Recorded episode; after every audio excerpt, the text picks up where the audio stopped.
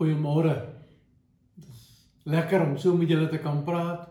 Dankie dat julle my in julle huise toelaat. Dit sal natuurlik nog lekkerder wees as ons by mekaar kan wees en met mekaar kan gesels. Maar intussen tyd bly dit lekker om met julle te kan kommunikeer om uh, te gesels en is dis lekker om te hoor en te sien hoeveel mense wel van hierdie opnames gebruik maak. In ons raak net so 'n oomblik stil met die woorde van Psalm 16. Dis 'n Psalm van Dawid.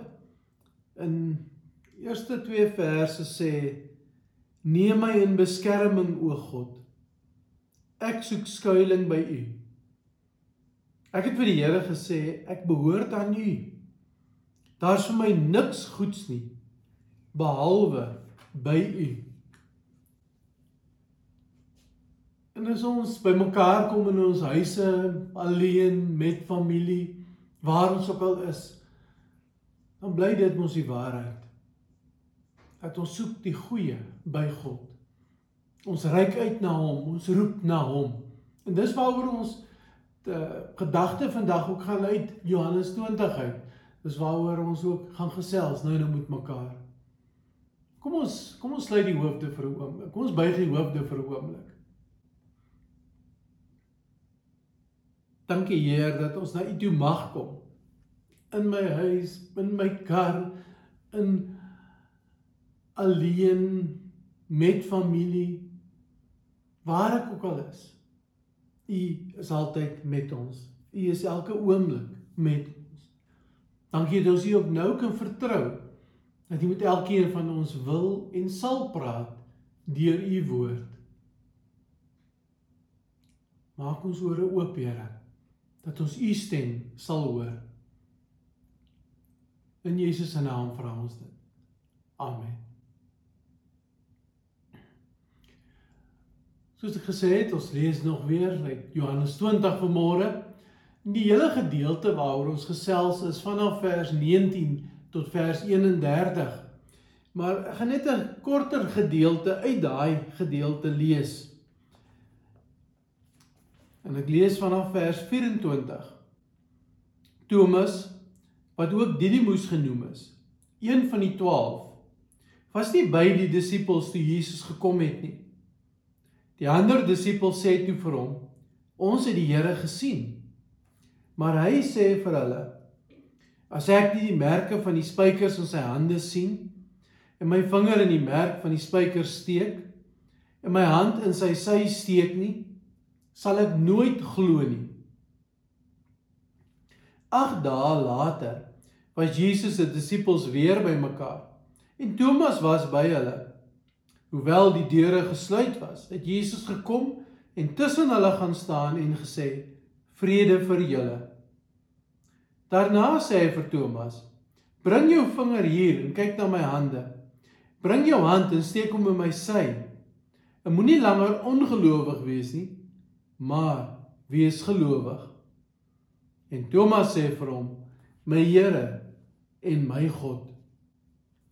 Dan weet ons mos hoe gaan dit verder dat Jesus sê die wat ehm um, glo sonder om te sien, gelukkig is. Maar kom ons kom ons lees net tot sover.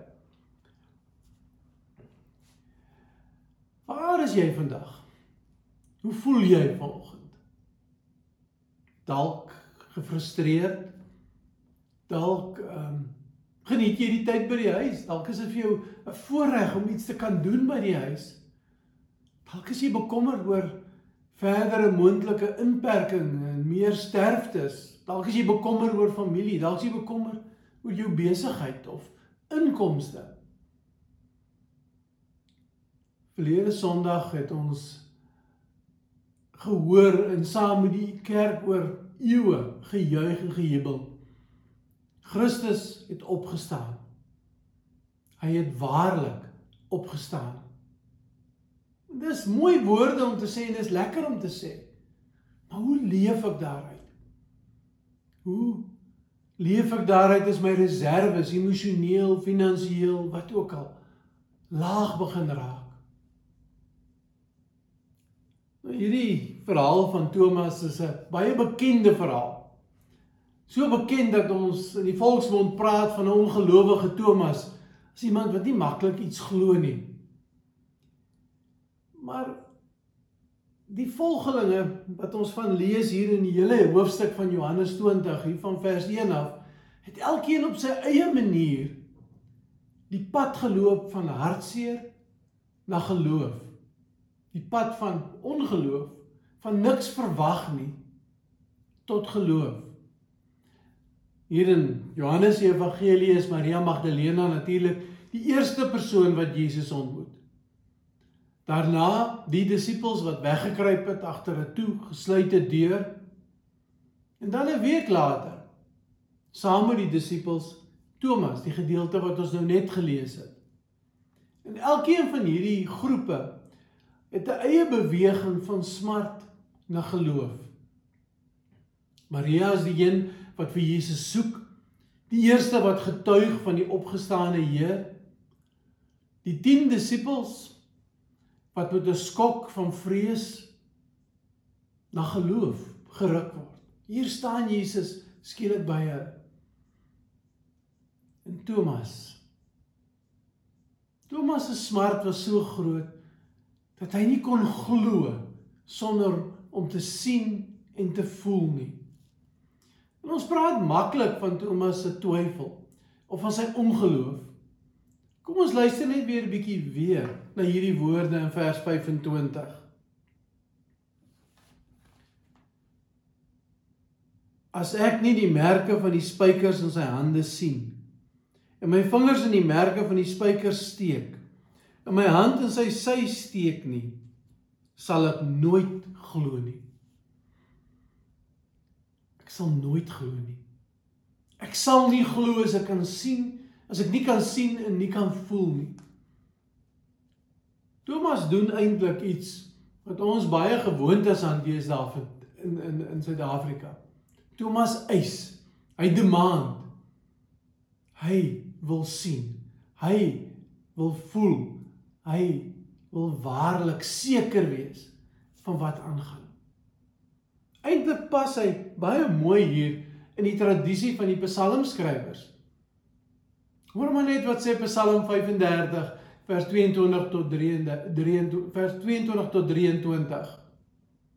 U het tog gesien, Here. Moet tog nie stil bly nie, my Heer. Moenie ver van my af bly nie. Word wakker. Staan op vir my regte, vir my verdediging, my God en my Heer. Dis nie sagte woorde nie. Dis nie mooi gebede nie. Dis uitroepe geskeur uit die hart uit. Uit die hart van nood. Moet nie stil bly nie, Here. Moet my nie miskyk nie. Moenie verbygaan nie. En dit is dis wat ek by Thomas sien. Dis wat ek by Thomas hoor. 'n Uitroep uit die hart uit. Hy wil glo. Maar dit is moeilik. gemis, uitgemis toe die ander vir Jesus ontmoet het. Hy wil ook ingesluit wees. Hy wil ook deel wees van hierdie ongelooflike ding wat gebeur het. En soos ons soveel mal in die in die Ou Testament lees, wanneer daar 'n noodroep, 'n hulproep uit die hart na die Here toe gaan, dan dan antwoord die Here. Dan verskyn hy want hy gee om. Hy hoor. En is dit nie maar waar ek en jy vandag op dalk is nie? Al hierdie grappe en boodskappe en verdraaide verse wat ons so deel met mekaar. Is dit nie maar almal als deel van ons noodkreet na die Here toe? Here, ons wil hoor, ons wil sien, Ons wil voel, ons wil weet U is met ons ook in hierdie krisis. Hierdie verhaal gaan nie eintlik oor verskynings van Jesus nie. Hierdie verhaal gaan nie oor 'n ongelowige disipel nie. Hierdie verhaal is 'n noodkreet, 'n uitroep tot God. Verskyn Here, ook nou 'n noodroep verskyn in ons wêreldwye ramp. Geef ons raad, wys vir ons watter kant toe. Maar dis ook meer as net 'n noodkreet. As net 'n kreet op na die plafon toe. Hierdie is nie 'n ongelowige roep, 'n ongelowige noodkreet nie. Ons vertrou God om iets te doen. Ons vertrou God dat hy sal verskyn, dat hy sal met ons wees. Ons glo. En omdat ons glo, weet ons. Nie omdat ons so goed glo nie, maar omdat hy dit beloof dat hy met ons sal wees so binne hierdie ramp waarin ons nou is. Hierdie is 'n verhaal van God se teenwoordigheid in alles. Maar ook nou in my en jou grootste nood. Leef daaruit. Hou vas daaraan. Gaan die komende weke en dae in met hierdie wete. Jy mag maar tot God roep. En in jou roep sal hy altyd daar wees. Altyd met jou wees. Soms om jou te dra. Soms om saam met jou te huil. Maar ook soms om jou geloof te versterk, soos wat Thomas versterk is. Mag God dit met elke een van ons doen. Amen. Ons buig die hoofde in gebed. Kom Skeppergees. Kom en hoor ons gebede en herskep ons. Kom herskep u kerk oor die wêreld heen. Herskep, herskep ons kerk hier in Stadtheim. Herskep ons gemeente saam. Die manier wat ons u dien, die manier wat ons elke dag leef. Herskep ons eie lewens, ons eie huise dat dit tot u eer sal wees elke oomblik. Kom Skeppergees. Kom en hoor ons gebede. Kom herskep ons. Ons buig voor u. Ons aanbid u. Ons vra dit van u alleen. Amen. Nou gaan daar 'n lied speel. Vlamlied van die Vlamlied Skeppergees. Sing dit sommer daar in jou huis lekker saam. Geniet dit.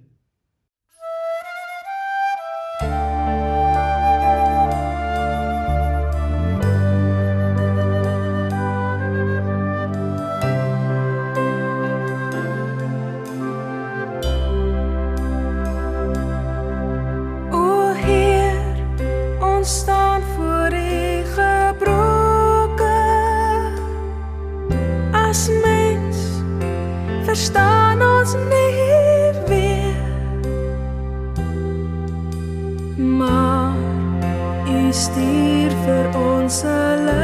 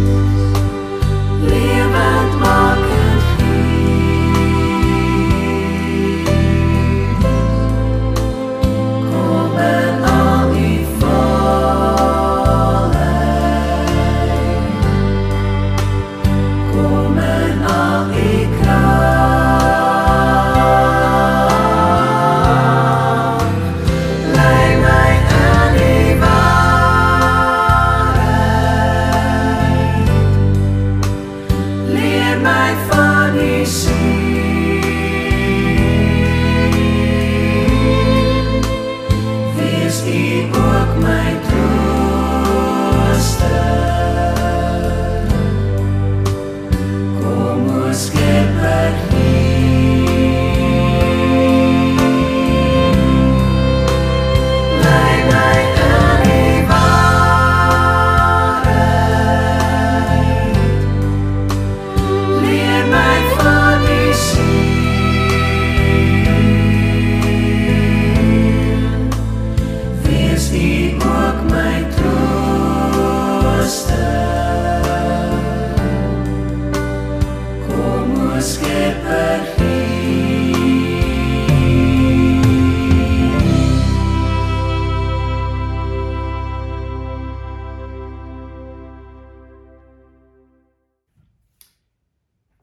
Julle het lekker gesing. Mag die week goed wees met julle. Mag die dag goed wees met julle. Mag julle gesond bly. Mag julle in alles God se teenwoordigheid ervaar. In Klaagliedere 3 lees ons die volgende woorde. En dit is die woorde waarmee ek julle wegstuur vandag. Neem dit ter harte en bly hoop. Deur die liefde van die Here sal julle nie vergaan nie. Daar's geen einde aan sy ontferming nie. Dis elke môre nuut. Sy trou is groot. God se trou is groot. Mag jy dit ervaar in hierdie dag. Seën